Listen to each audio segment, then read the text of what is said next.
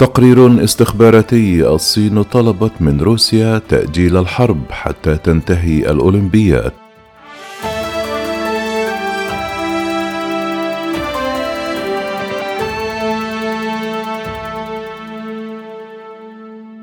أفادت صحيفة نيويورك تايمز نقلا عن مسؤولين في إدارة بايدن ومسؤول أوروبي استشهدوا بتقرير استخباراتي غربي. مسؤولين صينيين طلبوا من نظرائهم في روسيا في أوائل فبراير عدم غزو أوكرانيا قبل نهاية الألعاب الأولمبية الشتوية في بكين.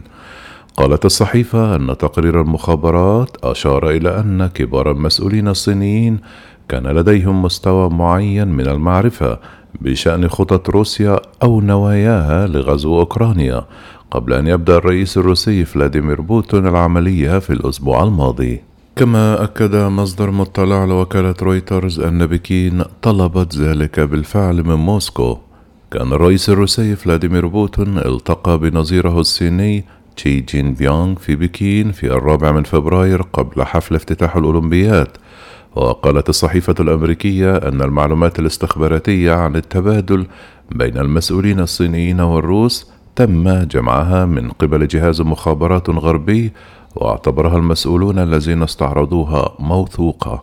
أكد أحد المسؤولين المطلعين على المعلومات الاستخباراتية أن المواد لا تشير بالضرورة إلى حدوث محادثات حول الغزو على مستوى بوتين وشي.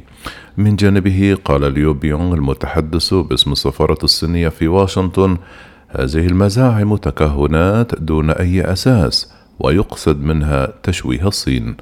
ولم ترد وزارة الخارجية الأمريكية ووكالة المخابرات المركزية ومجلس الأمن القومي بالبيت الأبيض على الفور على طلبات وكالة رويترز للتعليق.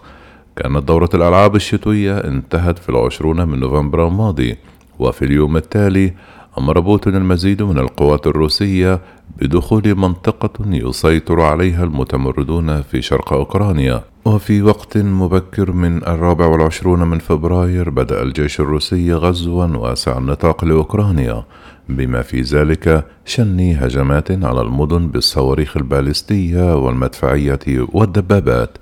قال المسؤولون الأمريكيون والأوروبيون لصحيفة نيويورك تايمز أنهم يجدون صعوبة في تصديق أنها مجرد مصادفة أن الغزو الروسي لكييف لم يبدأ إلا بعد الألعاب الأولمبية مباشرة.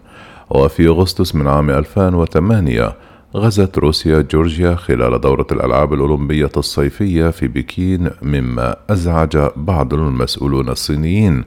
وقال النائب مايك جالاجر الجمهوري عن ولاية ويسكونسن وعضو لجنة المخابرات بمجلس النواب أنه ليس على دراية بالمعلومات الاستخباراتية المتعلقة بالمناقشات بين روسيا والصين بشأن أوكرانيا لكن دعم بكين لموسكو كان واضحا.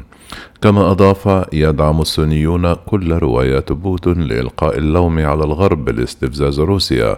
لا أرى أي تغيير في وجهات النظر الصينية بشأن روسيا. إنهم لا يزالون في تحالف فعلي ضد الغرب في هذه المرحلة. لعدة أشهر حاول بعض المسؤولون الأمريكيين تجنيد الصين للمساعدة في تجنب الحرب.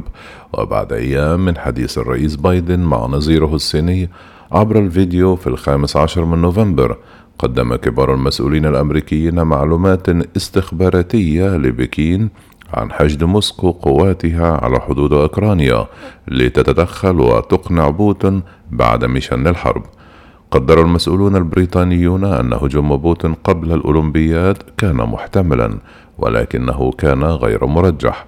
وفقا للعديد من المسؤولين المطلعين على استخبارات لندن. كما أشار المسؤولون إلى أن خطة روسيا للتغلب على العقوبات الغربية كانت تعتمد بشكل كبير على دعم الصين. لذلك لم يخاطر بوتين بإغضاب الرئيس الصيني. منذ بدء الحرب وقف المسؤولون الصينيون باستمرار إلى جانب روسيا. لقد أعربوا عن دعمهم لمخاوف روسيا بشأن الناتو وتحدثوا عن السيادة بعبارات غامضة.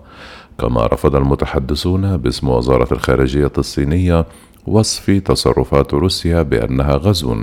وألقوا باللوم على الولايات المتحدة في تأجيج التوترات حول أوكرانيا. وفي اجتماعات مجلس الأمن والأمم المتحدة امتنعت بكين عن التصويت ضد قرارات تدين الغزو الروسي لأوكرانيا. كما انتقدت الصين العقوبات التي فرضتها الولايات المتحدة والدول الأوروبية على روسيا.